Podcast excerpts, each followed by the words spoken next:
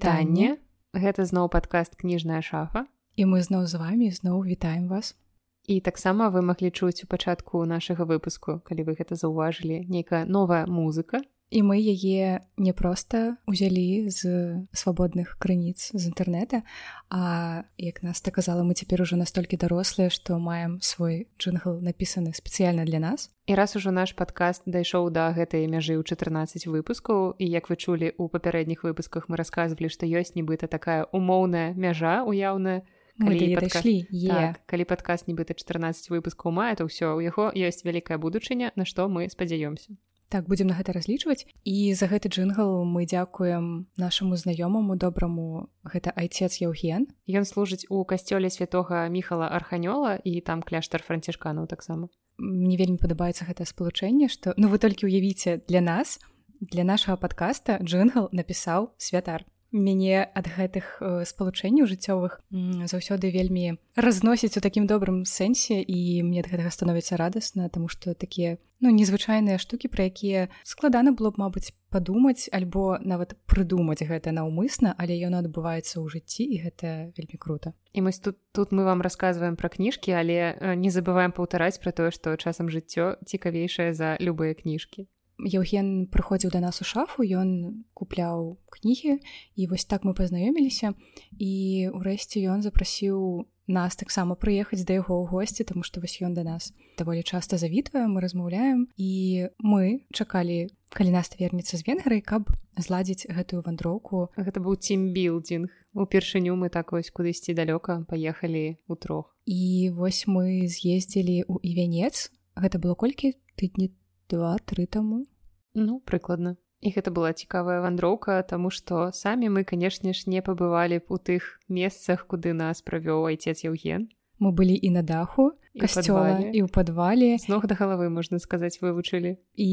непасрэдна ў самім гэтым будынку і у будынку дзе менавіта ў кляштары так, у кляштары францішканаў гэта такі цікавы досвед і вельмі цікава паглядзець на жыццё людзей якія займаюцца такімі справамі. Паколькі мы да часам даволі далёкія ад гэтых справаў людзей проста цікава было так акунуцца ў іншае жыццё і паглядзець як жывуць у тым ліку проста ў горадзе і вянец ну і ў кляштары і у касцёле.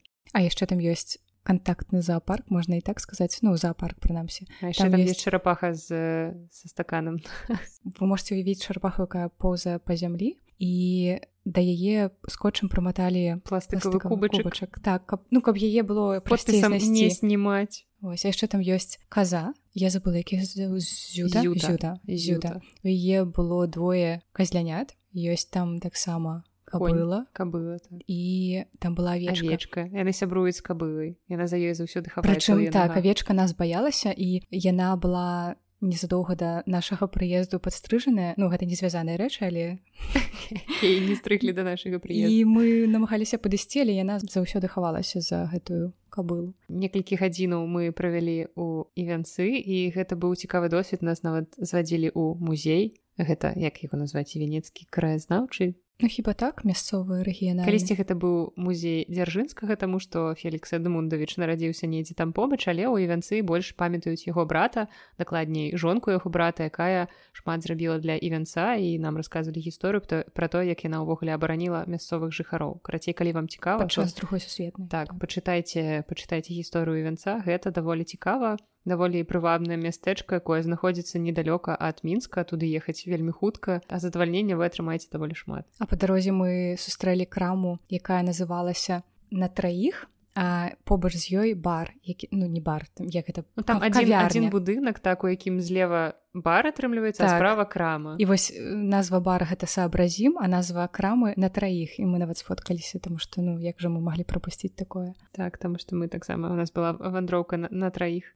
Але без наведвання гэтага бара канешне гэта ўпушчэнне вялікае. Але ж ты не п'еш все роўна нічога я могу пракляцець яшчэ наскармілі марозівам так пры кляштары і пры касцёле ёсць кавярня у францішкану яна так здаецца называецца і там расказваюць я не п'ю каву але я чула што там даволі смачная кава. Таму вось так мы вам трошку прарэкламавалі гэта месца. І дарэчы я магу згадаць тое што калі вы згадваеце свае мары большая верагоднасць таго што яны спраўдзяцца Таму што ў адным з выпускаў я казала про тое што я хачу пайграць на электрагітары. І вось мы прыязджаем у касцёл. Мог падумаць? мог падумаць? Я ўвогуле такога ніколі ў жыцці не уяўляла але вось Яўген прапанаваў. У іх ёсць свая музычная студыя такая ёсць і электрагітары і барабаны яны таксама ладзяць розную такую дзейнасць і нават музыкальныя фестывалі. І вось у кляштары я грала на электрагітары. Гэта фантастычна. Таму калі вы выказваеце нейкія свае жаданні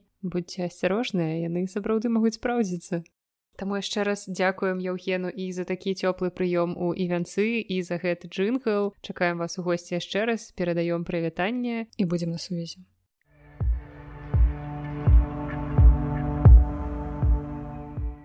А цяпер мы пераходзім да нашай і вашай любімай рубрыкі пра тое што ў нас тут адбывалася з таго часу як быў ці як запісаў 13 ці як сказаў адзін мой знаёмы гэта просто дзве бабкі душнілы збіраюцца і абмяркоўваюць людзей Ён даволі негатыў вось я першы раз пачула негатыўны водгук вось я табе не рассказывала чакала гэтага да выпуску тому што першыню я сустрэла негатыўны водгук на наш падказ Ну трэба ж і негатыўныя так так гэта канешне цудоўна і вось яго прэтэнзія асноўная была ў тым што мы абмяркоўваем людзей і я ж не задумалася тому что гэта прагучала ў такім негатыўным ключы нібыта мы робім штосьці дрэннае. Нібыта вось прыйшоў до нас чалавек у мятай майцы і мы ўвесь падказ сядзім абмяркоўваем які ён быў неакуратны што прыйшоў до нас у мятай майцы. Я вось кожны дзень на працу хаджу ў мятай майцы і нічога. Я думаю что тут трошки такое ну прапоўна маральны бок хіба што. Але ж большасць людзей любяць пляткарыць абмяркоўваць адно аднаго і у не тое ж нічога гэта ну тое да чаго трэба імкнуцца і тое што ты робіш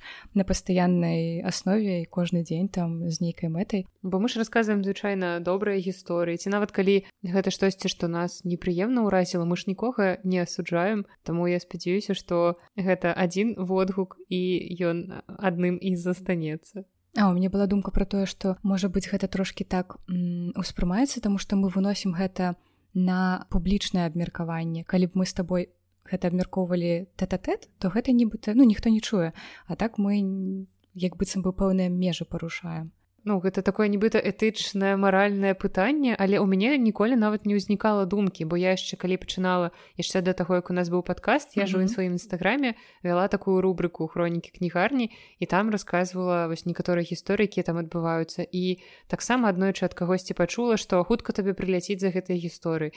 І я так адразу думаю сэнсе за што прыляціць лишь рассказываю милые прыемныя вясёлыя гісторыі А калі я штосьці рассказываю про тое что чалавек там няправільна назваў імя аўтара я ж таксама яго не асуджаю просто гэта часам гучыць смешна я тут яшчэ про тое дадала б что гэта ж таксама жыццё і ад гэтага нікуды не падзецца. То бок мы просто рассказываем тое что адбываецца ў нас тут і з чым мы маем справу. Так. І ну і гэта пераважна нейкі пазітыўны досвед. Вось сёння ў нас будуць мабыць выключна пазітыўнай гісторыі як і заўсёды ў прынцыпе мне здаецца. Праверым праверым Таму пачынаем з нашых гісторый.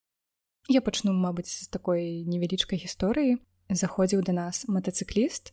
Ну я пазнала яго таму што ён быў у адпаведным адзенні і трымаў у руках шлем. Можа ён просто так па вуліцы ходзіць. Магчыма. І ён спытаў ці ёсць у нас календары. І каб вы разумелі ну гэта ўжо травень і як бы амаль сярэдзіна года але часам усё ж такі яшчэ людзям патрэбныя календары. І вось ён спытаў ці ёсць. Прычым у нас яны былі і па кошце па якім яны прадаваліся яшчэ да новага года. То бок па ідэі у такім ідэальным свеце выдавецтва мусіла прапанаваць нам іншыя кошты каб мы таксама прадавалі па іншых але як ёсць як было. І ён узяў гэты календар і засунуў яго сабе под майку гэта ну выглядала цікава вось як ён туды гэта ўсё запіхвае таму што відаць яму трэба ехаць вось на матацыкле трымаць нязручна ніякай торбачкі з сабой няма. І вось ён гэта запіхнуў сабе пад адзежу. І так яшчэ пажартаваў маўляў дадому даедзем а там разбяромся ну вось ён такі пайшоў. это нейкую схаваў? Але гэта зручна ну зручней чым кніга таму што каляндар жа плоскі і ты так, просто і жа адно калі што. Дадатковая абарона я згадаю гісторыю, якая здарылася ў нас літаральна учора. У нас тут былі невялічкія гучныя чытанні імправізаваныя. У нас тут было некалькі дзетак, якім я чытала кніжку пра кразі чырвонага кракадзільчыка. Здаецца, мы расказвалі пра яе ў адным з апошніх выпускаў з навінкамі так это кніжка ад выдавецтва кніжны рысь пра тое як важна цаніць сваю індывідуальнасць унікальнасць і непаўторнасць і за што я люблю дзяцей за тое што яны заўсёды неверагодна непасрэдныя гэта дарослыя ўжо неяк фільтруюць базар яны ўжо думаюць трошки больш сказаць штосьці ці не сказаць. Хаця як вось некалькі дзён таму наста убачыўшы нейкія что там было? Трубы. Трубы якія тырчалі са сцяны сказала что гэтыя трубы падобныя да барана. так. так. І вось э, гэта мне нагадала якраз вось гэтую дзіцячую непасрэднасць і адна дзяўчынка убачыўшы у нас зараз на сцяне на цэнтральнай вісіць фотаздымак Андрэя лянкевича беларускага фотографа гэта вокладка альбома паганства калі вы чулі такі. І там э, такая размытая бабулька вельмі цудоўны атмасферны здымак. І вось а, дзяўчынка з тых што ў нас былі учора глядзіць на гэты малюнак і кажа сваёй настаўніцы ой а што это? Мужик голый гэта было так раптоўна і нечакана наколькі розныя ў людзей могуць узнікаць фантазіі тому што вось апошнім часам калі ў нас з'явілася гэта карціна тут я чула розныя водгукі ад людзей. Хтосьці захапленнем на яе глядзіць камусьці не падабаецца маўляў гэта штосьці такое змарочнае ну, так кажа што іх палохае гэта. Так што вось яна там прям на іх глядзець ім праму душу. Але вось першы раз такая цікавая асацыяцыя з тым што гэта мужик голы. Ну не ведаю можете зірнуць у нас у нстаграме ёсць фото гэтай карціны ці просто пагугліце альбом Андрэя лянкевича паганства і можете самі вызначыць голым не вельмі. Так гэта тэст псіхалагічны як тэст роршаха. Таксама што вы бачыце на гэтым малюнку? Ну гэта падобна да таго якія пачуцці ў цябе ўзнікаюць гледзячы на здымак як бы што ў табе ўнутры паднімае паднімаецца гледзячы туды.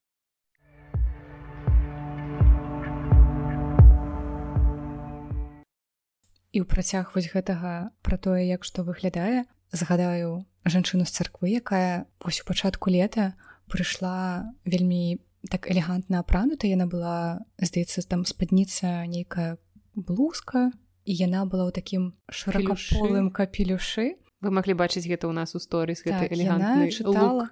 Яна ўзяла пачытаць кнігу пляўбаум сонца і стаяла і вось Настася звярнула увагу што гэта так прыгожа глядзіцца што трэба запосціць нам у сторыс. І Настасія пафоткала а пасля гэтая жанчына паварочваецца і ну то бок яна стаяла спінай Анастасія е вось ціхенька сфоткала. Але гэтая жанчына з царквы адчула відаць што штосьці там адбываецца яна спытала ой вы мяне фоткалі Ну і мы кажам што так. Яна кажа ой дашліце мне пасля ў вайберы там калі у мяне будзе телефон я там пакіну вам і тады у канцы яна ўжо выходзіла і сказала про тое што яна лічыць што на любым фоне выглядае прыгожа што гэта є здольнасць. І там было такое цікавае выказванне. Я даже рядом с любым мужчынай так выгляжу што он выглядзіць прэзідэнтам Мне патрэбная самаацэнка гэтай жанчыны. Патрэбная гэта тое чаго ў жыцці вельмі моцна не хапае. Але цудоўна яна мае свой стыль. І у адзенні і у скажем так у камунікацыі камунікацыі так. так сапраўды гэта гэта ўражвае. І адразу у той жа дзень раніцай мне быў выхадны я ездзіла там па сваіх справах і раптам атрымліваю на телефон паведамленне ад нас ты пра тое што нам патрэбен пост ці сторыс штосьці такое яшчэ не разумею што адбываецца фото мне ніхто не даслаў і нас такая зараз тебе настасе дашле фото і мне дасылаюць просто кіпу гэтых фото дзе гэта элегантная жанчына стаіць яжну пасайздросціла і мне захацелася таксама такі капялюш каб вот лета цёпленька было. і і ты чытаеш зборнік вершаў. Гэта по-мойму просто ідэальны варыянт таго як правесці гэта час так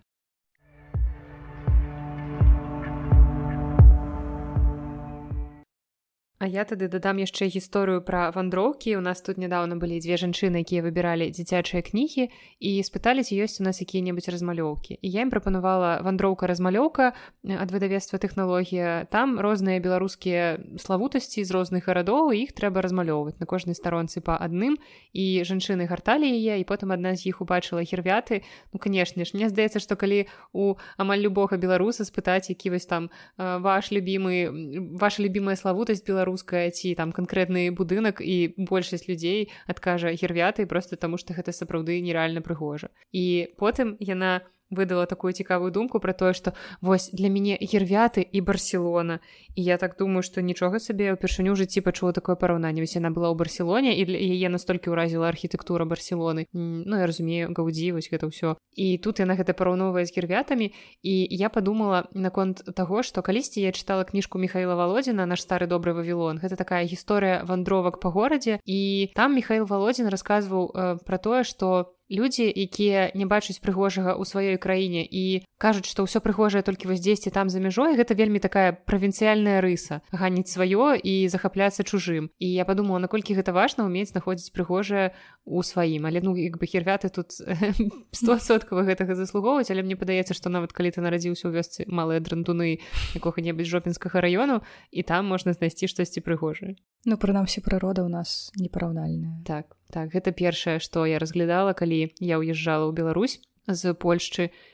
Я ехала ў аўтобусе я глядзела на гэтыя жоўтыя рапсавыя палі а ўлічваючы што я з'язджала з беларусі у канцы лютага калі ў нас яшчэ снег ішоў і было такая слота паўсюль мерзотная гадка і вось я уязджаю і разумею што блин як цудоўна што я вяртаюся ў такое надвор'е. Mm -hmm. калі ўсё гэта навокал зялёнае калі ўсё гэта пахне я застала цвіценне бэзу ў трох краінах і гэта просто неверагодна лета канешне і вясна гэта маленькае жыццё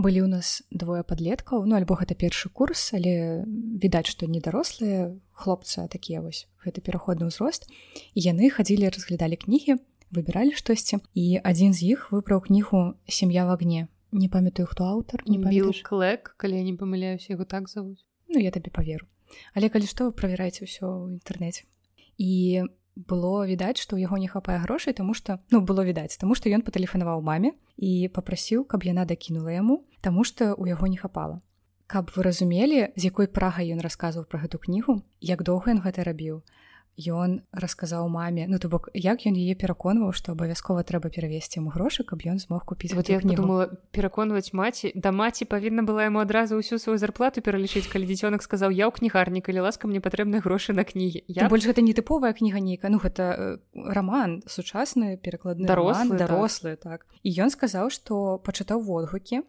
што абавязкова калі прачытае гэту кнігу то дасць ёй пачытаць здаецца яна пагадзілася. Напіша пісьмовую рэцэнзію там на 10 старонках. Але пасля гэтага ён не перастаў пераконваць? пераконваць у тым плане што ён патэлефанаваў яшчэ бацьку. Ну наколькі я зразумела. Сур'ёзна іх там все сямейны савет. І вось ён купіў кнігу тэлефануе свайму бацьку і кажа што я купіў кнігу такую-то такую-то. Я прачытаў пра яе столькі шмат добрых водгукаў яна такая класная я хачу каб вы яе пачыталі.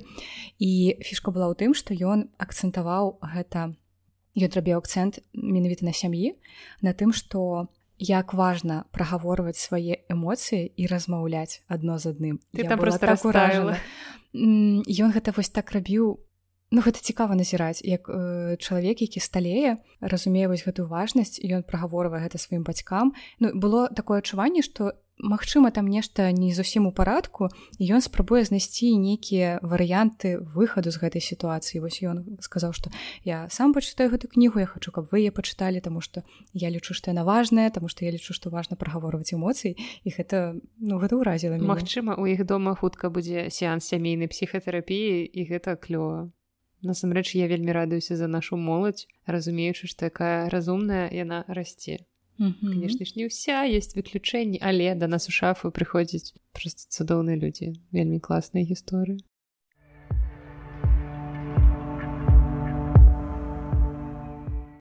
і таксама ў працяг пра тое якая ў нас моладзь бывае але тро яшчэ трошку меншая у нас тут былі маці з сынам і яны доўга выбіралі кніжкі хлопчык усё браў кніку кніжку з паліцыі сядзеў чытаў разглядаў яе і маці яму казала што ну ты пачытай выберы сабе што я табе куплю она прям настойвала на тым каб выберы уже сабе кніжку. Ну ён як бы быў не супраць. І потым ён у выніку ўзяў вафельнае сердце Марыі пар цудоўная дзіцячая кніжка якую мы заўсёды ўсім раем.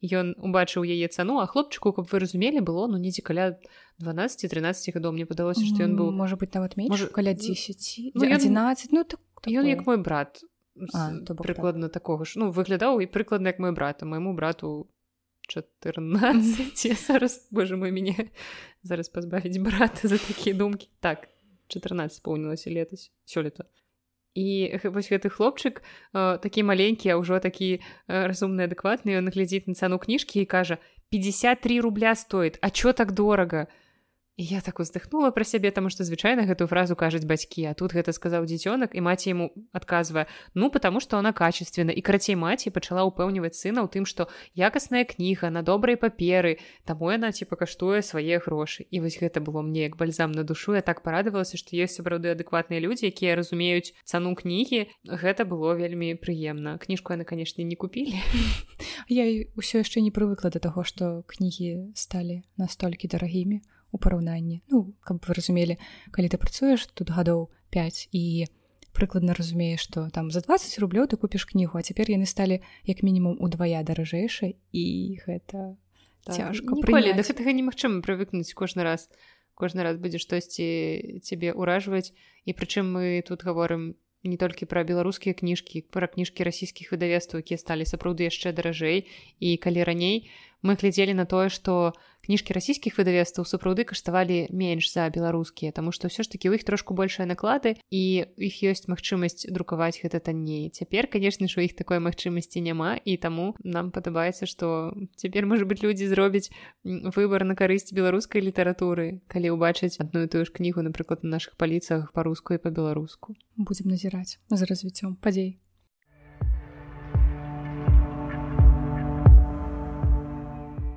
А яшчэ заходзіў наш адзін з пастаянных наведвальнікаў ён запытываў дзіцячыя кнігі разглядаў для самых маленькіх асабліва прасіў паказаць што-небудзь. І я ему показала ён тады падзяліўся што яны зараз за дзіцёнкам чытаюць кнігу барадуліна у кота мірона чорная карона гэта кніга пра коцікаў з вершамі пра коцікаў і з малюначкамі пра коцікаў. І больш коцікаў больш коцікаў коцікаў. так. і насці больш коцікаў.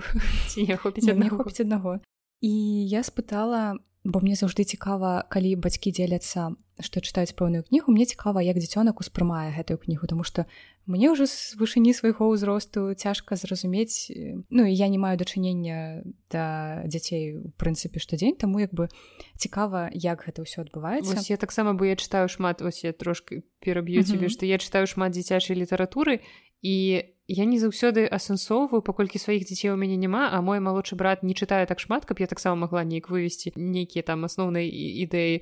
І я калі чытаю дзіцячую кнігу а потым прачытаўшы я думаю афіенная кніжка а потым такая думаю а я гляджу на яе з вышыні сваіх амаль 30 гадоў або я гляджу на яе вось як бы я яе чытала ў дзяцінстве mm -hmm. і не заўсёды гэта можа супасці. І таму я калі расказваю там у падкасці напрыклад раніку дзіцячую кнігу я заўсёды падкрэслю што дзяцей у мяне няма я прачытала і на маю думку вось гэтая кніга яна такая.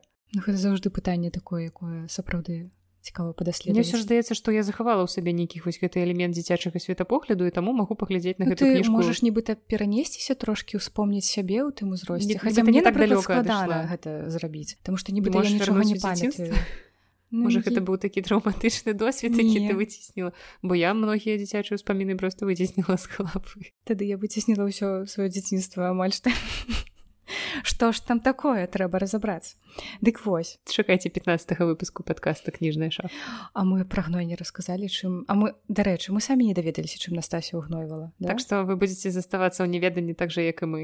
Але наколькі я памятаю она просто пайшла у нас тут у пачатку дома ёсць крама гаспадарчая так. гэтых яна просто купила звычайнае ўгнаенне і і ўсё просто гэта называется ўгнаенне але як бы яны не абавязкова зроблены з гною. Mm -hmm. ось раскрылі ўсю інтрыгу галоўную мінулага выпуску. Дык вось вяртаючыся да той гісторыі з якой я пачала гэта ўсё. Я спытала як дзіця ўспрымае вершы барадуліна і спытала ну ці слухаю увогуле ён таму што мужчына сказаў што там дзіцёнку годзік ці колькі ну то бок зусім зусім маленькая. І ён сказаў так ну у яго няма выбару Таму ідэальна просто бацька года. У яго няма выбру сапраўды.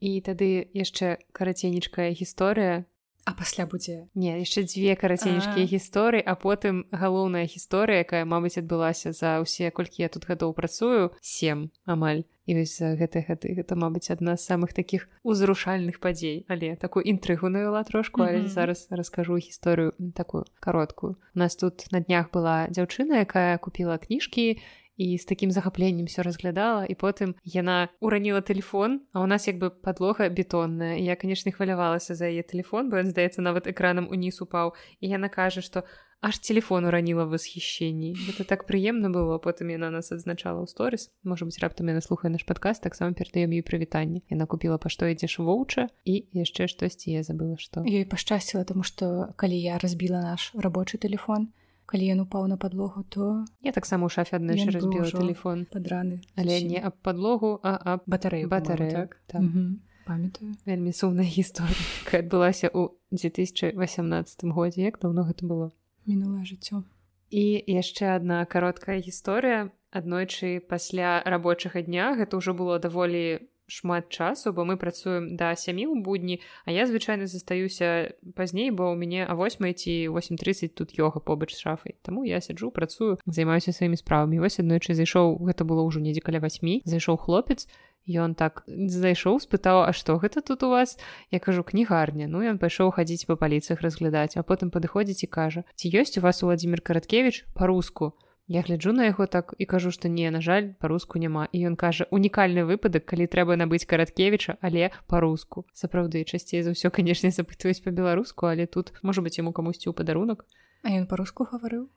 Калі ён зайшоў і павітаўся ён гаварыў па-руску. Але mm -hmm. калі ён запытваў пра караткевіча то ўжо па-беларуску і развітваўся таксама потым па-беларуску.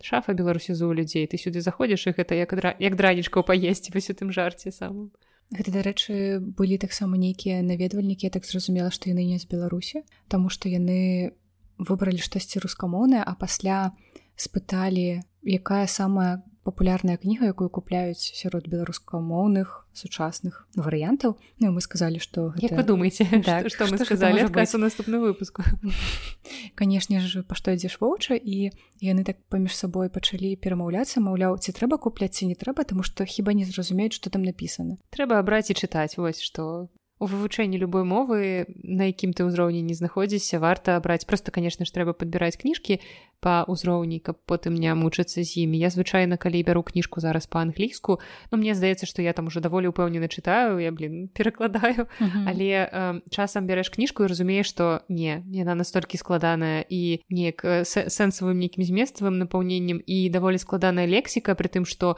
можна было б гэта ўсё напісаць прасцей.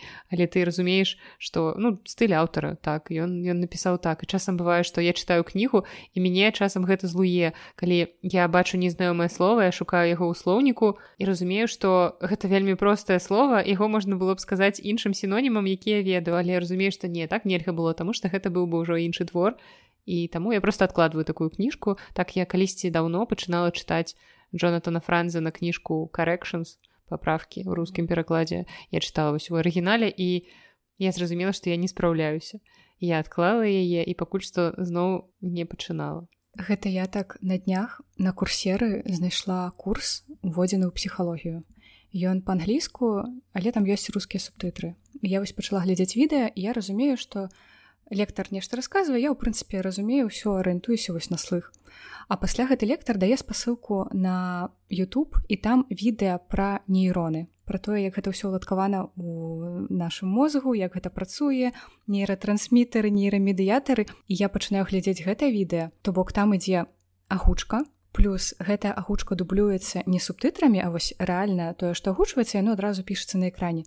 Я чытаю і ніфіга не разумею. Ну і асобныя вось кавалачкі разумею і мне даводзілася браць телефон зараз гэта вельмі зручна калі заходзіш у перакладчык э, альбо ўключыў гук альбо я спрабавала сама записываю гэта голасам думаю яшчэ і патрэнірую вось маўленне альбо просто фоткала ён мне адразу перакладаю то бок ну нібыта ты збольшага разумееш а пасля вось гэта вышэйшы ўзровень і ўсё і ўжо складана вельмі Хаця здавалася б нейратрансмітары нейроны гэта і так замежныя словы mm -hmm. а, але ўсё ж але да. там вось гэта спалучэнне слоў і то як гэта тлумачыцца і што на што ўздзейнічае там такія даволі ўжо складаныя тэрміны і я згадала як мы ў будапешце трапілі у іх там было нейкае свята дзяржаўнае і мы трапілі на штосьці кшталту імправізаванага мітынгу і там людзі выступалі са сцэны спявалі песні і калі ты чуеш тое што там кажуць людзі са сцэны ты разумееш што гэта нейкая палітычная прамова і так я таксама брала Google транслейт я націскала кнопку з мікрафончыкам і ён мне там выдаваў кавалкамі тэксту і па гэтых кавалках я разумеў ну так ён штосьці расказвае пра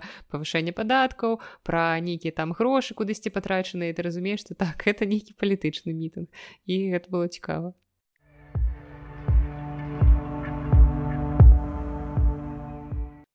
Ну і нарэшце мы пераходзім да галоўнай гісторыі ў гэтым выпуску, як мне падаецца.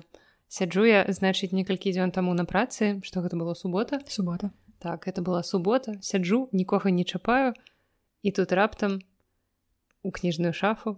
Я, я цягну інтрыгу, як магу вы зараз пачуеце, хто заходзіць у кніжную шафу і все такія о боже мой, як у тых жартах разгаворов то было вось штосьці накшталт, але карацей заходзіць у кніжную шафу саліст гурта мутнае вока.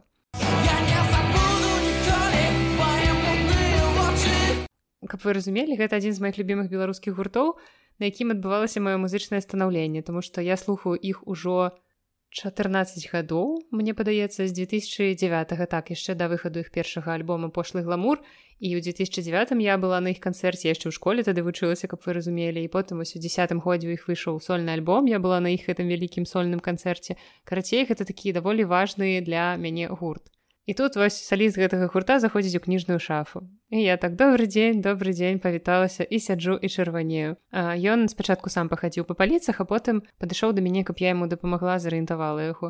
Я яму раіла кнігі і ўвесь гэты час вось вы адчуваеце гэты ўзровень, калі як бы я яшчэ не сказала яму, што я яго пазнала, але я ўжо адчуваю сябе неяк няёмка і я ў выніку нараіла яму кніжак, ён выбраў кнігі, і потым у канцы ён э, кажа што ну буду яшчэ да вас завітваць дзякуй і я кажу і вам дзякуй за музыку ён глядзіць на мяне з такім неразуменнем і кажа А як вы вы мяне пазналі я кажу ну як бы я вас слухаю э, са школы ён кажа можна спытаць колькі вам гадоў я кажу ну вось 30 будзе ён так глядзіць на мяне кажа увесь гэты час пакуль я тут э, выбіраў я кажу так як толькі вы зайшлі я вас пазнала весь гэты час я ведала хто вы такі. Ён кажа ну вазі павельмі сціплы чалавек але вы мяне расчулілі Я думаю што не кожны дзень яго пазнаюць на вуліцы ці там дзесьці ў нейкім месцы і сказаў што будзе яшчэ заходзіць але для мяне гэта было вельмі прыемна абяцаў што хутка парадуе нас новай музыкай таму калі сярод у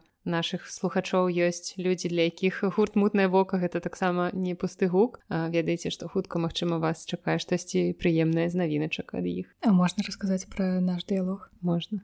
А як я гэта даведалася? У нас ёсць агульны дыялог вось з настай і з сярожанькам матыркам. Прывітанне табе і вось заходжу я туды а там наста кажа што а вы не поверыце тут краш майго юнацтва ці ну неяк так вось ты сфармулявала. І тады кажа ну напишитеце хоць што-небудзь бо мне зараз выскажыць сэрцы Ну я вось чытаю гэта мне так радасна тому што я разумею гэта вось адчуванне як гэта магло быць неверагодная не наста написала что калі б ён зайшоў яна б яго нават не пазнала так, я б не пазнала ты гэта была б для цябе звычайная шараговая свабода ну, то бок я вед калі б ён пачаў спяваць то ты б я пазнала так не. Я просто уяўляю што павінна адбыцца каб ён раптам пачаў спяваць. А яшчэ каб вы зацэнілі ўвесь усю атмасферу гэтай сітуацыі стаім мы тут недалёка ад нашай калонкі там дзе наша беларуская палічка я яму раю кнігі і ў гэты момант грае песня акута калі шчасце так шчасце калі б э, тут таксама сімвалічна дарэчы дарэчы вельмі сімвалічна э, калі б гэта быў нейкі замежны гурт яшчэ ладно але гэта граў іншы беларускі гурт і пасля гэтага канешне ж я не магла не дадаць песню мутнага вока ў наш плейліст бо як бы ну збольшага у нас такія даволі спакойныя трэкі а у мутнага вока вось мне пад атмасферу шафы якраз падышла адна з іх такіх нядаўніх песень ліній дзесьці тут будзе ўстаўка гэтай песні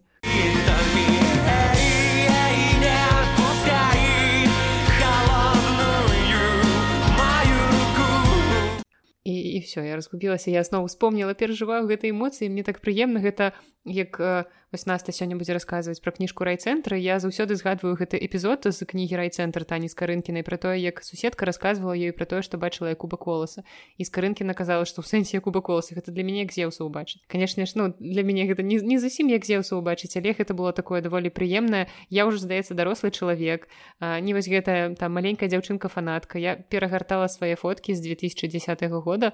Калі вось быў гэты сольны іх канцэрт на мне была майка якую я намалявала сама спецыяльна да гэтага канцэрта. Я фарбамі на майцы напісала назву альбома по я дарэчы па фоце подумала что ты хадзіла раздрукоўваць. І хацела спытаць а пасля гляджу не так быццам бы ўсё акуратненька напісана значит так, фарбамі. Я ж займалася пэўны час бацікам гэта вось фарбамі па тканіне mm -hmm. маляваць. І я тады сабе намалявала гэтую майку па шаблоне па трафарэце і я там была мабыць самая модная тому что вось ведаеце цяжка калі э, у беларускіх гуртоў звычайна ёсць толькі там один тып мерча вось фанаты беларускай музыкі мяне зразумеюць калі вы хоць раз былі на канцэрце гурта бн вы ведаеце што гэта такое вось гэтая майка бн з просто вялікімі літарамі і яны ну здаецца усе аднолькавыя былі і усе ў іх на канцэрце хадзілі тому что на той час там іх-небудзь 10-12 гадоў таму гэта была просто адзіная майка якую можна было купіць mm -hmm. і у мяне таксама такая была але здаецца я ў ёй не хадзіла я любіла на канцэрты розных гуртоў любіла рабіць вось нейкія унікальныя майкі я памятаю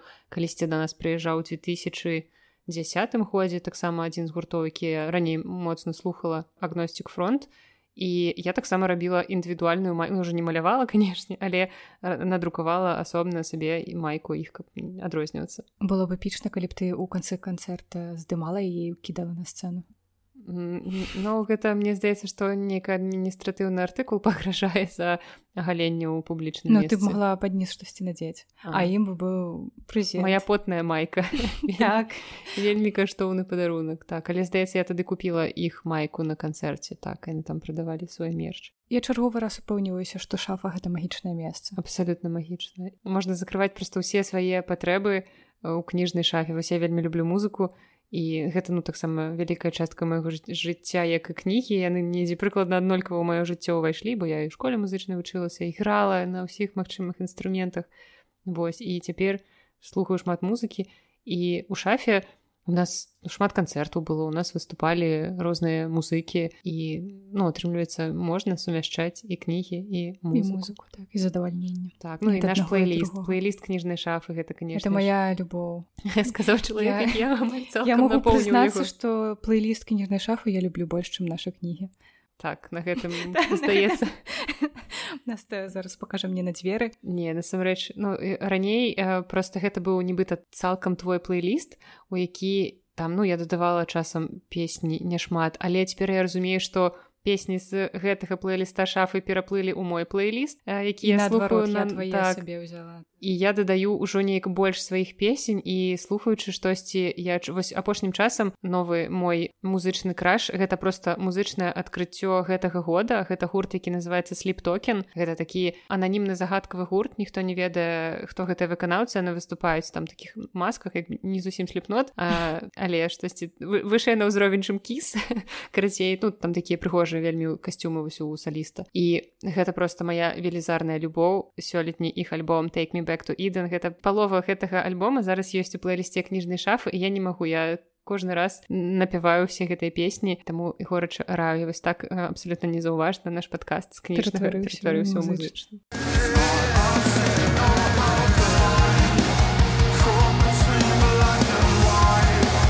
Таму можна яшчэ вам тут параіць калі вы любіце музыку асабліва беларускую музыку то на Ютубе ёсць цудоўны канал які называется міністэрства сепультуры які вядзе журналіст Саша чарнуха і гэта навіна таксама літаратурная таму што Саша чарнуха яшчэ і пісьменнік які напісаў цудоўную кніжку свіні якая выходзіла стаецца мінулым годзе пазву мінулым па-руску а зараз вось сёлета выйшла ў беларускім перакладзе і гэта вельмі смешная кніжка про якую калі-небудзь будзе асобны расповед у маім падкасці белліт заодно прэзентуем зараз твой наступны выпуск белліта так у наступным выпуску белліта вас чакае штосьці клёвае мы заснавалі кніжны клуб под кодавай назвай анягош тому что мой канягош грэйт ген гэта не заслужана нечаста выкарыстоўваемая у літаратуры слова і у жыцці мне здаецца нам у жыцці больш не заслужана выкарыстоўваемая і мы вырашылі што будзем збірацца і дзяліцца ў ўражаннямі пра прачытаныя кніжкі ну і адказваць на пытанні слухачоў. І першы наш выпуск будзе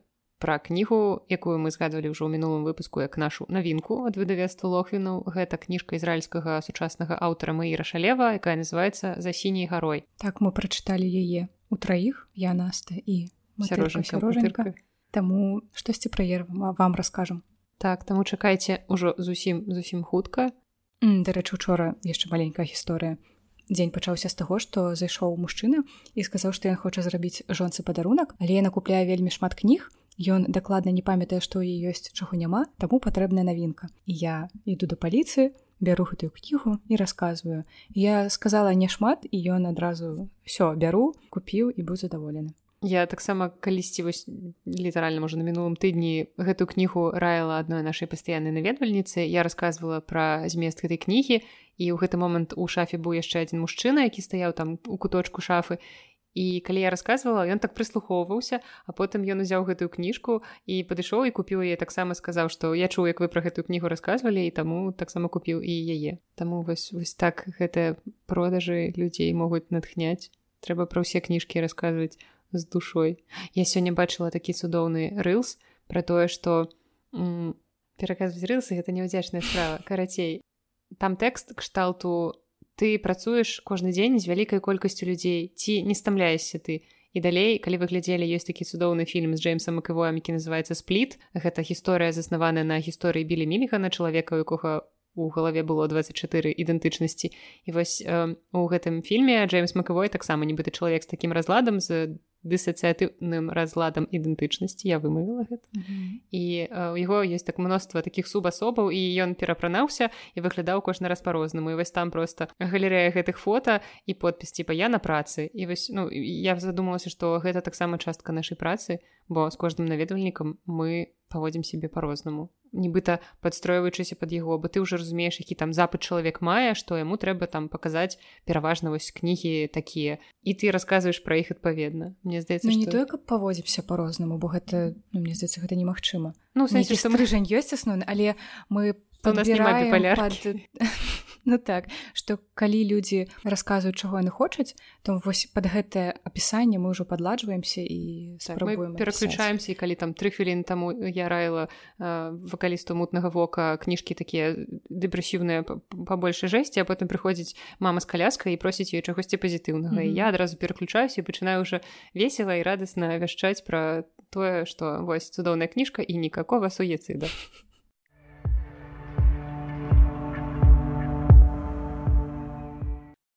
А цяпер мы раскажам вам пра кнігі. Нарэшце пасля музыкі. вельмі чакалі гэтага моманту. А нам у мінулым выпуску напісалі што і гаварыце і пра кніжкі расказваеце і проста збірайцеся. Галоўна гаварыце і не спыняйцеся калі ласка мы гатовы і мы гэтым разам вырашылі расказаць трошкі пра кнігі якія мы прачыталі апошнім часам і якія нам чымсьці запомніліся і загадаць пра тое што чытаем зараз. Мачыма гэта будуць кнігі якія ёсць у шафе але збольшага няма і мы просто дзелімся вось такім сваім чытацкім досведам. Я таксама згадала як пару дзён таму нам патэлефанавала жанчына спытала некалькі кніжак.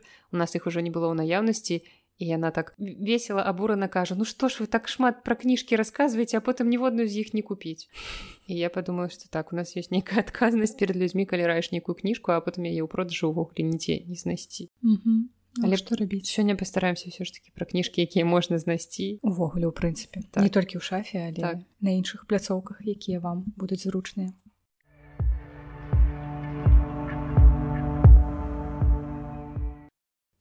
Я раскажу няшмат пра дзве кнігі, якія прачытала, якія мне запомніліся за апошні час. Першая кніга называется вопрос смерти і жизни і напісалі яе муж і жонка Ірвін ялам і яго жонка Мэрылін ялам. Я дарэчы, шукала як правільна вымаўляць іх прозвішча і знайшла што вось у гэтай прафесійнай сферы псіхатэрапеўтаў таму што ён займаўся псіхатэрапіяй і яна займалася рознымі даследаваннямі навуковымі. Ну карацей што вось у гэтай сферы навукі ўсё ж такі ялам калі мы бяром у нашым асяроддзі. А хто ён паводле нацыянальнасць здаецца амерыканец калі не памыляюсь. Я толькі памятаю што ён яшчэ жывы але яму ўжо вельмі вельмі шмат там под каля 90 так, сапраўды амерыканец. Mm -hmm. ну добра. Тады я просто думала можа як-небудзь часам можна паводле нацыянальнасці вызначыць моўныя асаблівасці і а я э, фішка ў тым што яны абое яўрэі. Яны пераехалі ну іх бацькі пераехалі ў пачатку два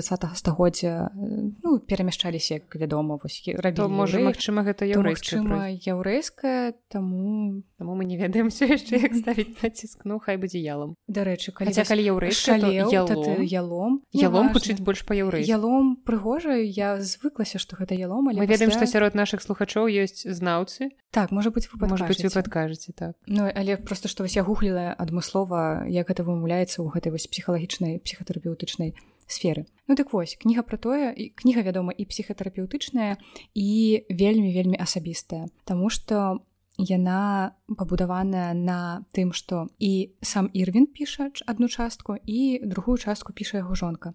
І сутнасць у тым што вось ім абаім ужо пад 90 кніга напісана некалькі гадоў таму і перакладзена даволі хутка была на рускую мову. Можа быць калісьці моя мара спраўдзіцца я прачытаю ялома ялама по-беларуску перакладзеш? Ой не.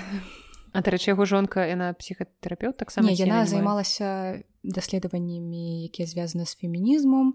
Вельмі вось пра жаночае пісьмо пра жаночы ўклад унёсак вось такое рабіла. Ну але таксама звязана з навукай. І сутнасць у тым што яны пражылі разам з іх падлеткага ўзросту то бок гэта каханне вось такое адзінае якое было на ўсё жыццё. І вось жонка пачынае хварэць на рак і яны даведваючыся гэту навіну спрабуюць зразумець вось што ім цяпер рабіць як ім падтрымліваць адно аднаго і карацей кожны апісвае свае перажыванні. І я пачынала чытаць гэтую кнігу я не магла стрымліваць слёз Таму што як бы ну вось гэтая думка пра канечнасць яна як бы зразумелая але калі ты падступаешься да вось такога усведамлення мяне ўключаецца так оп і ўсё. Я пачынаю плакаць я не магу спыніцца.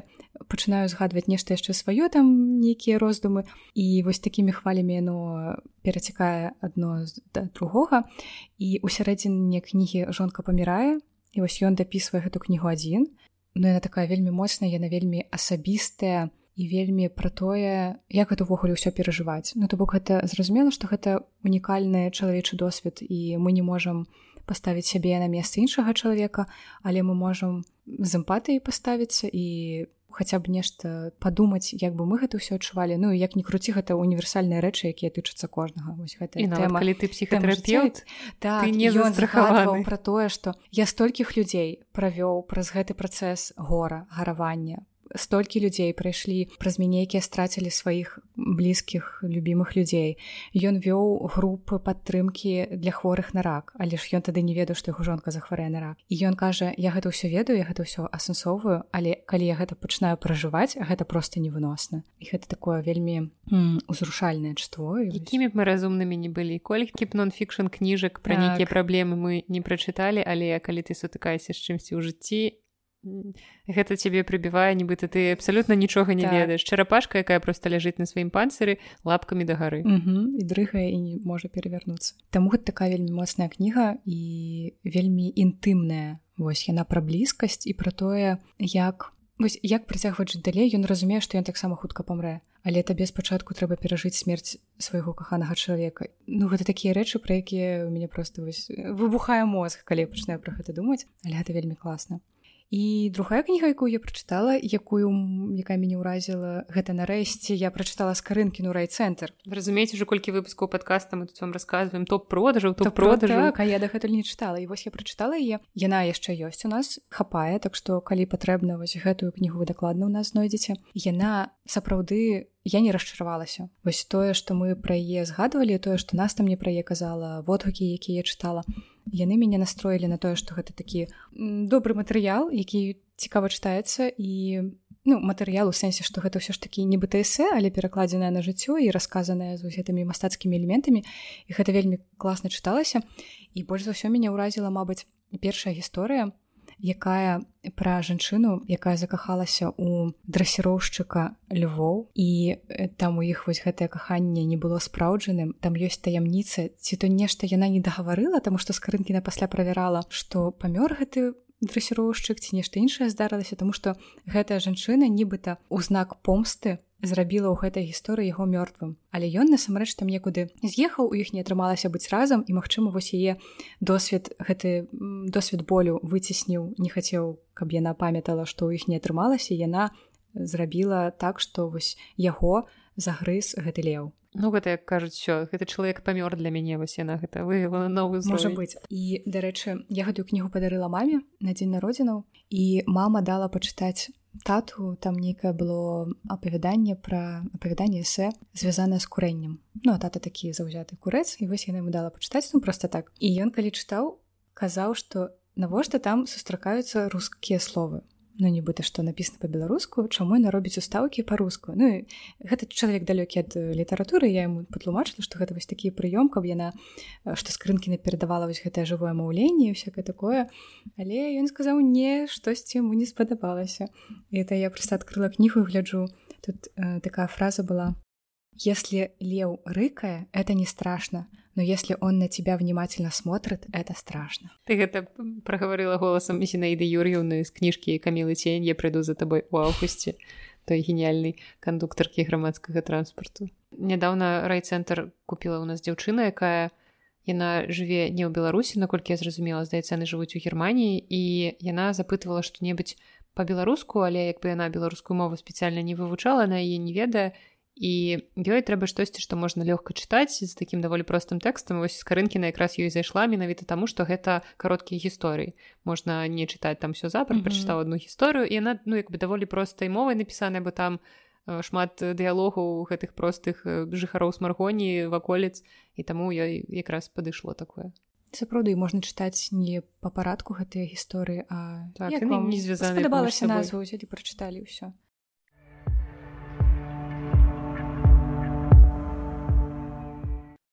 час захаплення ў падкасці кніжная шафа скончаны і сёння мабыць упершыню я буду расказваць пра кнігу якую я прачытала з нашых паліц і якая мяне абурыла раней мне здаецца я не раска... рассказывала про тое что я абура А ты ну, трошки рассказывалі про гэты про каханне да. там штосьці было. Так і а сёння я буду рассказывать про дзіцячую кнігу і таму абурэнне маё яшчэ большее бо мне здаецца что яшчэ калі для дарослых вы можете крыху схалтурыць і напісаць там такі выдаць сыры не вельмі якасны тэкст але для дзяцей канешне ў маім ідэальным свеце тэкст мусіць быць дасканалы так абсалютна перад гісторыя мы з настай вырашылі першага чэрвеня гэта дзень абароны дзяцей вырашылі зрабіць подборку кніжак беларускіх і на рускай мове пра дзетак і розных дзіцячых кніжак. І наста прапанавала кніжку якая называется слопі хочет абнімацца Таму што я чытала некалькі гадоў таму я памятаю што яна мне тады спадабалася і я успрыняла Ну я запомніла момант пра вось гэтай абдымкі. Ну што абдымацца добра думаю ну мілая кніжка. Таму што твоя псіхіка выцесніла ўсё вельмі э, дрэннае з гэтай кнігі і пакінула толькі прыемны момант абдымаш пташак.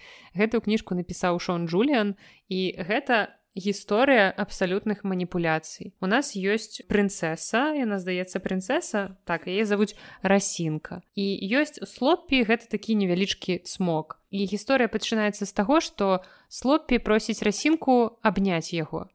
Вось проста так ні з чаго, Мы не ведаем перад гісторыяй, якія адносіны ў гэтых персанажаў, што паміж імі адбылося адразу аўтар наскідае вось у гэты вір, што Ён просіць яе абняць, а яна такая: не буду я тебе абдымаць. І ён такі чаму і яна адказвае, а ты ведаеш чаму і пачаўся такі жорсткі аб'юз тому что ён не разумее чаму яна і мы не разумеем бо нас у нас няма перад гісторыяй можа быть там ёсць нейкая глыбокая што ён там нашкодзіў ці штосьці зрабіў але пакуль мы гэта не разумеем мы чытаем кніжку абсалютным неразуменні каб вы разумелі колькі тут сторонок можа 30 якіх і тут ну як бы па два сказы на старонцы чытаецца на даволі хутка і вось далей працягваецца гэта нейкі аб'юз і маніпуляцыі калі гэтая расінка яна абдымае каго заўгодна. Я не ведаю блахастага бамжа каля універсама байкаль пальскі просто любога каго яна сустрэне на вуліцы яна абдымае. І гэта бачыць цмок і кажа такі я думал ты сёння не абдымаешься і яна такая не я абдымаюся але не з табой гэта просто вельмі страшна. І ў выніку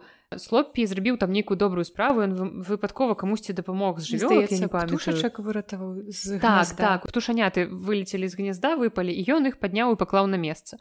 І гэта расінка ўбачыла такая ну ладно так і быць ты заслужыў і я думаю ё-маё чаму вучыць гэтая кніжка? Таму што толькі калі ты робіш добрыя справы толькі тады ты заслугоўваеш абдымкаў але ну нам не паказана развіццё гэтага персонажа можа ён заўсёды так добра себе паводзіў гэта просто вось гэта злобная жучка фея такая что не не фея хто там яна прынцеса я не буду тебе ўсё роўна абдымаць. І ну чаму чаму гэта кніжка вучыць дзяцей?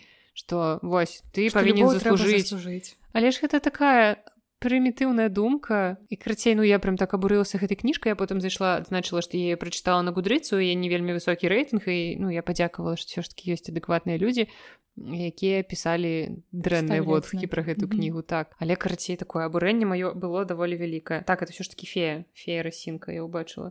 Узаду на кнізе напісана Древесный дракончик Слоппи очень хочет, чтобы фея Росинка его обняла, но у Росинки есть веская причина, чтобы этого не делать. Якая, я так и не зразумела, что ему обовязково трэба было вось показать, что гляди, я допомагаю птушкам. Ой, карацей, все трэба крыху знізіць то так душната просто пачалася і трэба адчыняць вокны. Таму зараз я раскажу лепш пра яшчэ одну кніжку якую я прачытала апошнім часам з наших палічак і яна аказалася недрэннай не скажу что гэта найлепшае што я чытала за апошні час але гэта было цікава бо гэтая кніжка мяне прывабіла ўжо сваёй вокладкай на ёй мужчына з роварам я вельмі люблю ровары плюс яна мяне прывабіла сваёй назвай а мужчын а Окей, ровары і мужчын, але не ўсіх запар, канешне ж, ёсць э, выключэнні. І у яго яшчэ конверсы на нагах я зараз разгледзела карцей цудоўна просто. І назва гэтай кніжкі напісана лацінкай напісана радост але гэта кніжка расійскага выдавецтва паляндрія no H і вось я рассказывала ўжо ў сваім падкасці што я вельмі люблю гэтае выдавецтва за тое што яно выдае класныя сучасныя раманы. І я часта просто падглядваю каб не купляць іх кніжкі я падглядваю там гэтыя творы і знаходжу іх потым чытаю ў арыгінале. І гэта вельмі цікавая гісторыя якая пачынаецца на занзібары. Я не не была на занзібары але чула шмат гісторый пра гэтае месца ад людзей якія там былі. І гэта гісторыя пра хлопца які піша гісторыю журналіст і ён піша гісторыю чалавека з якім сустрэўся на занзібары які ну не скаж не скажам што ён стаў ягоным сябрам але яны завялі пэўныя адносіны сяброўскія. І ён піша яго гісторыю. А ў таго чалавека ёсць праблема з тым што ў яго шизофрэнія І вось ён знаёміцца ў такі цяжкі перыяд з гэтым чалавекам, а потым яны ўжо сустракаюцца у іншым месцы і ён прапановвае яму напісаць яго гісторыю. І ён едзе па ўсіх месцах дзе той бываў уключаючы занзібар таксама ён шмат часу правёў у харватыі і ён знаёміцца з людзьмі якіх той ведаў і просто піша жыццё гэтага чалавека вось такі з такой ментальнай асаблівасцю. І ну пры ўсёй такой складанасці тэмы гэта вельмі пазітыўная кніжка гэта такое трошку роуд uh, роутбук Таму что тут шмат прыгодаў шмат розных гарадоў. Нежно захацелася ў харватыю конечно ж захацелася на занзібар хаця герою тут не вельмі спадабала спадабалася гэтае месца ў пачатку тому что гэта такі лянівы адпачынак на спёцы. Вось але кніжка цікавая і тут яшчэ была асаблівасцю гэтага галоўнага персонажа з гэтай ментальнай асаблівасцю. Ён любіў расказваць анекдоты. І першы анекдот якім мы сустракаем якім гэтага героя уводзіць у твор гучыць так. Почему Иисуса считает студентом? Не знаю. А почему Когда ему стукнуло 33, он носил длинные волосы, жил с родителями, а если что-то делал, это было чудом. Гэта класны анекдот канешне вось гэта першы анекдот які расказаў Макс ось гэты персонаж а, таму чалавеку які пісаў яго гісторыю. І ну як бы гэта паказвае увесь усяго гэтага персонажа Ну і канешне мяне зацікавіла гэта назва радост і калі вы прачытаеце гэтую кніжку вы даведаецеся чаму кніжка так называется і падкажу вам что гэта звязана з роварамі і з нямецкай мовай Таму што аўтар э, Фредерік цвікер ён швейцарец калі не памыляюся так. І вось э, фабіан галоўны герой гэта журналіст які піша кніжку ён працуе ў газеце ў невялічкім гарадку у швейцарыі таксама атмасфера швейцарыі атмасфера ўсіх гэтых падарожжаў ён выпраўляецца дарэчы ў сваё падарожжа на ровары Таму калі вас цікавіць тэма ровараў калі вас цікавіць тэма псіхічных захворванняў як мяне гэту кніжку вам раю. Або калі вам трэба нешта такое пра падарожжы даволі светлае і лёгкае я ж не успомніла што у майго сябра юры ёсць на Ютубе канал і яны некалькі гадоў таму з сябрам на роварах аб'ездзілі ўсе балканы і я пераглядала іх выпускі двойчы таму што калі я акунаюся ў гэту атмасферу гэта нешта неверагоднае просто гэтыя віды і вось гэты атмасфера падарожжа калі ты просто ляціш куды табе падабаецца. Ну, вось і гэта для мяне было такое узрушэнне і такое захапленне я вось дагэтуль гэтае захапленне захоўваю. Плюс гэтыя пейзажы іх рэльеф. Гэта калі я ехала на цягніку з будапешту ў варшаву. Я праязджала праз чэхію славакію праз гэтыя ўсе горныя мясціны і я просто я не разумела як людзі могуць гэтым не захапляцца. Побач са мной у купе сядзелі дзяўчыны полькі дзяўчаты. Дзяўчаты. Дзяўчаты полькі і разгадвалі красворд. Ну нешта накшталт яны ў тэлефонах сядзелі а я хаця ўжо было так цемнавата бо я выязджала вечарам а сёмай і калі мы заехалі ў славакію і нават яшчэ па венгрыі калі мы ехалі там гэтыя горы навокал я просто прыліпла да акна яшчэ ішоў дождж і я гляджу і а для людзей гэта такая паўсядзённасць нешта такое абсалютна шараговае і просто яны ніколі не жылі ў краіне дзе самая вялікая гара гэта сколькі 348 метраў гара дзяржынская карацей для мяне гэта просто штосьці незвычайнае ну гэта зноў жа пра тое як калі ты жывеш у нейкім прыгожым горадзе ты перастаеш гэта заўважаць. І вось колькі я хадзіла па будапешце я ўсё роўна зварочвала шыю і заўважала нейкую новую ляпніну на акне а людзі жывуць у гэтым горадзе там гадамі дзесяцігоддзямі і ўжо перасталі гэта заўважаць. А вось гэта класнае практыкаванне выйсці на вуліцы мінска і паглядзець на гэты горад нібыта ты яго зусім не ведаеш як турыст так, так. практыка асэнсаванасці mm -hmm.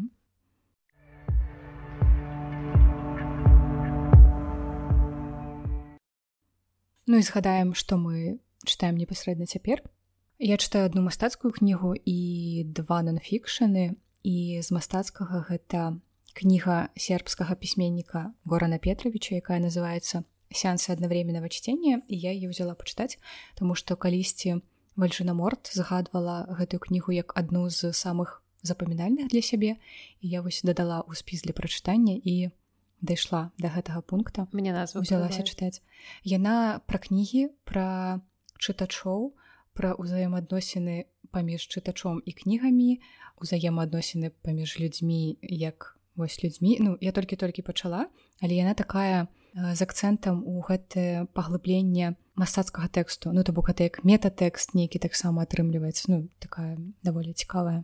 І нонфікшн які я чытаю гэта ніяк не магу дамучаць кнігу монікі блэк якая называется земля адзяржымая демонамі.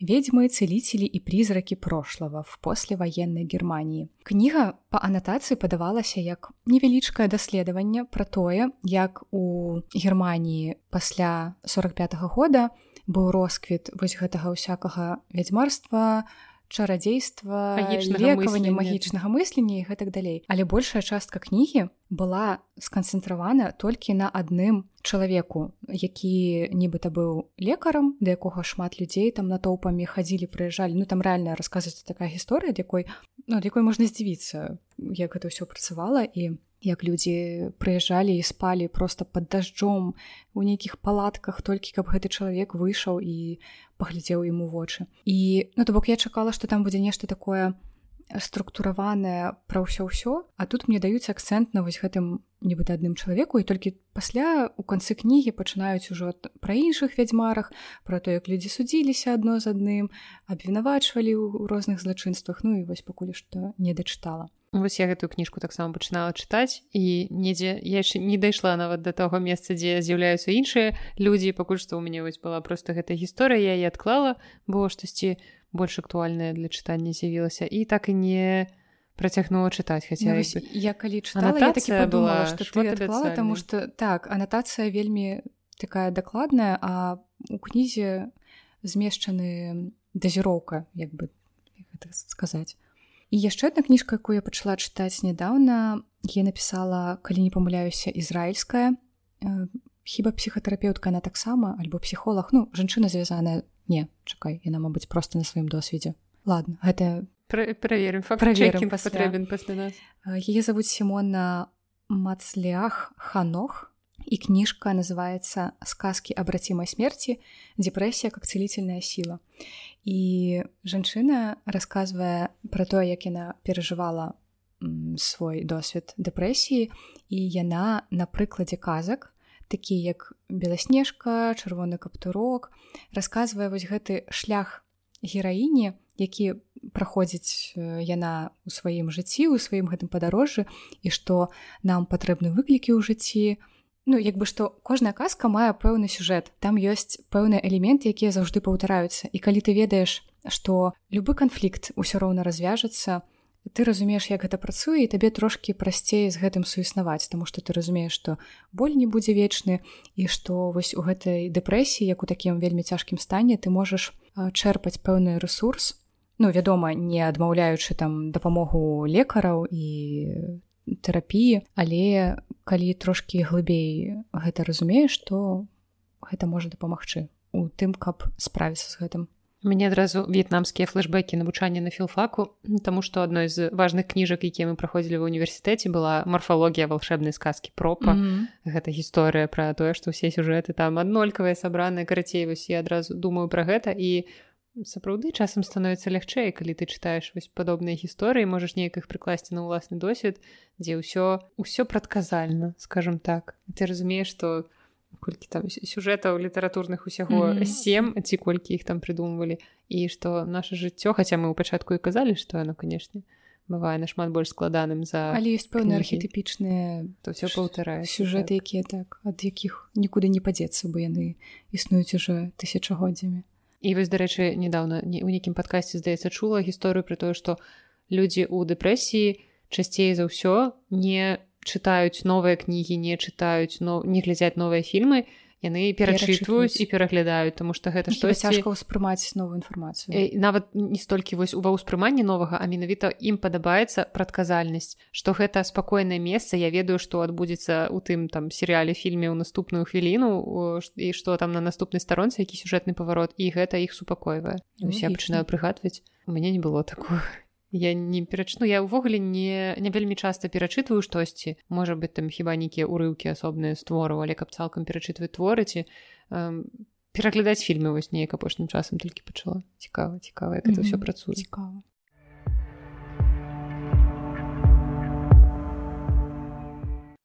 І тут урываюся я са сваімі пазітыўнымі кніжкамі, якія я чытаю цяпер нічога пра смерць ніякай дэпрэсіі. Першая кніжка, якую я чытаю ў паперы, якую я вельмі даўно хацела прачытаць, она называется африканоміка, эканаміст хуліганы, журналіст сарві галава і следуюць скрытыя прычыны всего на свеце.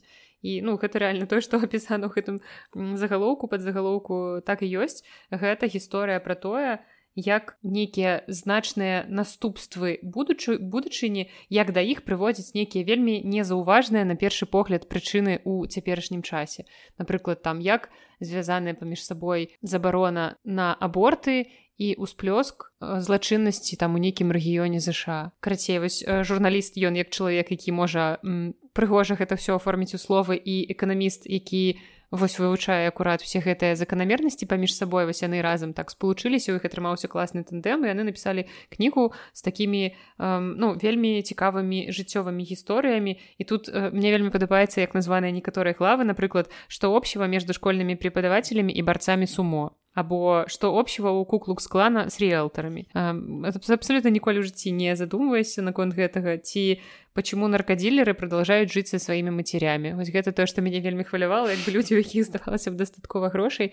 Але вось я яшчэ до гэтай главы не дайшла почытаю цяпер Мачыма там штосьці пра сямейныя сувязі. І тут якраз гэта прыгадваецца кінагісторыя фарсаж тэма сям'і сям'я самая важная вось гэта ўсё. Мачыма Мачыма тут такая сувязь. Можа быть у наступным выпуску я дачытаю і вам патлумачу чаму наркадылеры жывуць са сваімі мамамі вось гэта першая кніжка такая она даволі лёгка чытаецца вельмі лёгка старонак тут няшмат ну пакуль што не сказала б што гэта найлепшы нонфікшн у маім жыцці але чытаецца ў прынцыпе даволі захапляльна А другая кніжка якую я чытаю ўжо ў электронным фармаце гэта беларуская кніжка гэта зборнік такіх эсэ зборнік публіцыстыкі Сергея ваганова які называется мосцік над вечнасцю кніжка якая выйшла ў 2016 годзе ў выдавестве кнігазбор і гэтую кніжку чытаць зараз часам цяжкавата таму што гэта такі зборнік артыкулу Сергея ваганова якія друкаваліся ў розныя часы у розных наших сродках масавай інфармацыі. На жаль не ўсе можна цяпер называць.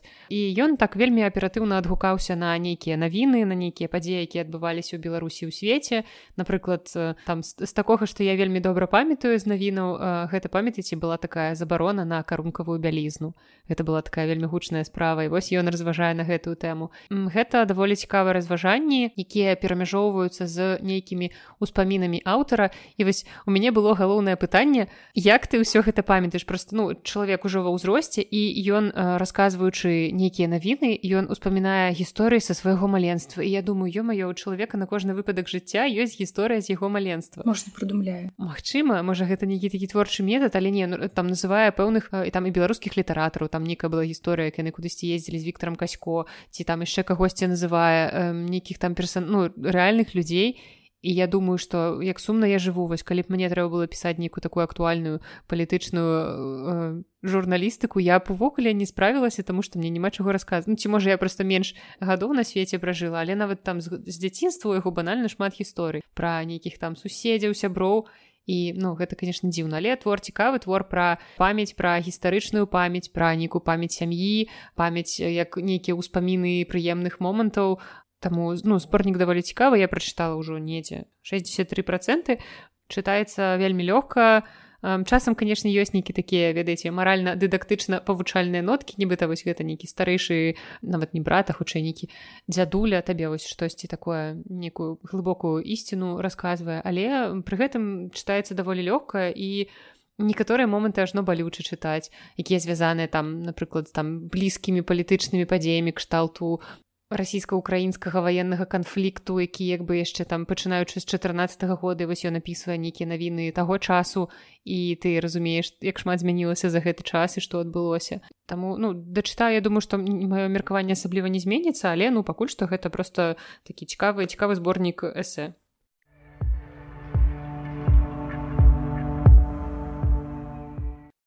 А ну яшчэ адна кніжка, якую я так патрошку марудніка пачытваю гэта кніжка Салі Руні Beautiful World you? Perfect English. Uh, я читаю его арыгінале прекрасны мир где же ты так. стаіць за маёй спінай на паліцыі у нас але я вырашыла пачытаць у арыгінале бо Салі Руні піша вельмі проста і мне не падабаецца творчасць сталі руні абсалютна катэгарычна калі яшчэ вось першы роман нармальныя людзі які выходзі па-беларуску что? Нормальны а нормальны так нармальныя людзі абсалютна так. Цалкам нічога потым э, я карэктавала кніжку якая таксама недавно выйшла па-беларуску яе conversation with friends размовы з сябрамі і яна была ўжо вельмі дрэннай гэта у вось зараз я чытаю яе трэці роман і разумею што гэта ведаеце вот мне прыйшло такое параўнанне гэта порно для інтэлектуалаў. Калі аўтарка абсалютна легальна апісвае там даволі падрабязна нейкія э, сцэны палавых актаў прычым гэта ну, пераважна не штосьці рамантычнае ванільнае а штосьці такое даволі жорсткае. А пасля гэтага героі размаўляюць пра то як зрынуць патрыархат. І у ну можа быть у сусвеце аўтаркі гэта ўсё адбываецца і так але як бы ў нашым свеце звычайна так не адбываецца таму ну яе кніжкі яны не для нават не скажу пра постсавецкую прастору буду казаць выключна за Беларусь яны як бы не для беларусаў нам гэта не вельмі блізка не вельмі зразумела і нармальныя людзі хаця былі на нейкую такую зразумелую тэму про то як падлеткі ці там ужо ну людзі размаўляюць так гэта, ну, самая банальная тэма А вось ну навошта другі трэці твор я пакуль што не сэнсового лесу пакойваю себе тым што ну ты ж чытаеш па-англійску то любым выпадку развівайся неважна што ты чытаеш э, хоць дарю данцову па-англійску все все добра Вось, але пакуль што я абсалютна не разумею навошта і для чаго я ты не хочаш кінуць яе ўзяць што-небудзь іншае? Таму што дзеля мне... прынцыпу дачытаць дзеля прынцыпу так ну, ты ж можаш выбраць тысячу іншых кніг на англійскай мове але просто ну я ўжо взяла ў бібліятэцы там было новае паступленне кніжак сучасных і я хочу просто мець э, базу каб потым разносіць кніжкі салеруні калі хтосьці прыйдзе да мяне будзе казаць якая гэта цудоўная літаратура але часцей я чую негатыўныя водукі ад э, чытачоў вось беларускіх чытачоў. Ну тому что гэта ім далёка так, так, так. Мы ўжо абмяркоўвалі нейку маім падкасці кніжку нармальныя людзі таксама пра тое што гэта трошку не наш досвід гэта магчыма тое як нам хацелася б каб гэта ўсё выглядала ў нас каб былі больш разняволеныя людзі але пакуль што так няма. Ну як бы вось што мы недавно абмяркоўвалі пра дзіцячую літаратуру што аўтары беларускія пішуць ўсё трошку больш стэрыльна але ну яны апісваюць нашы рэаліі. Нічога не прыхарошваючы не прыдумваючы. Ты ж не можаш апісваць беларускіх падлеткаў так як нібыта гэта амерыканскія падлеткі. Можа быть гэта было б нам цікавей чытаць але гэта не наше жыццё. І ці трэба тут падстройвацца і у апісваць нейкіх уяўных герояў ці трэба ўсё ж таки апісваць нашы нашы не самыя мне здаецца што самы дакладны прыклад быў бы калі б кніжку пра падлеткаў напісаў бы чалавек якому падлецяпер ну падлетак так альбо там які нядаўна быў з гэтым там што я думаю што яны зараз змяніліся ў параўнанні з тым якія мы былі падлеткамі і якія цяпер падлеткі нават мы ўжо не зусім разумеем я ўжо я ўжо не разумею хаця я не сутыкаюся з імі але мне здаецца што гэта ўжо іншы свет? Так яны больш разняволеныя мне здаецца я адразу згадваю я ўсім задаю пытанне вось яшчэ адна інтрыга падкаста будзе у мяне ёсць малодшы брат якому 14 гадоў і пару гадоў таму ён сказаў слова якое для мяне было абсалютна навіной такі сленг. І вось можа быть хтосьці з вас ну я ведаю што гэта такое таму вось я задам пытанне пішыце ў каментарях ваши варыянты адказаў мой брат сказаў слова дноклы і я вам падкажу што гэта хто. Вось хто такія дноклы вам трэба адказаць на гэтае пытанне. Адказ будзе ў 15 выпуску нашага подкаста не забудь калі мы не забудзем так я запишу таму да чаго я гэта вяла? А да таго што таго што я чытаю сале руні каб быць у курсе. Ну як бы не той каб мяне гэта моцна абцяжарвае бо мне нашмат цяжэй чытаць нецікавыя кнігі ад якіх у мяне няма ні пазітыўных уражанняў ні нейкага выбуху эмоцый негатыўнага. Так абсалютна нейтральная вось я чытаю кніжку і разумею ну можа быть она добра напісаная але она такая нецікавая. Вось гэта цяжка чытаць. Mm -hmm. А калі мне ёсць па чым абурацца у мяне больш э, імпэту і жаданне чытаць далей каб А што ж там яшчэ мяне выбесіць у наступных старонках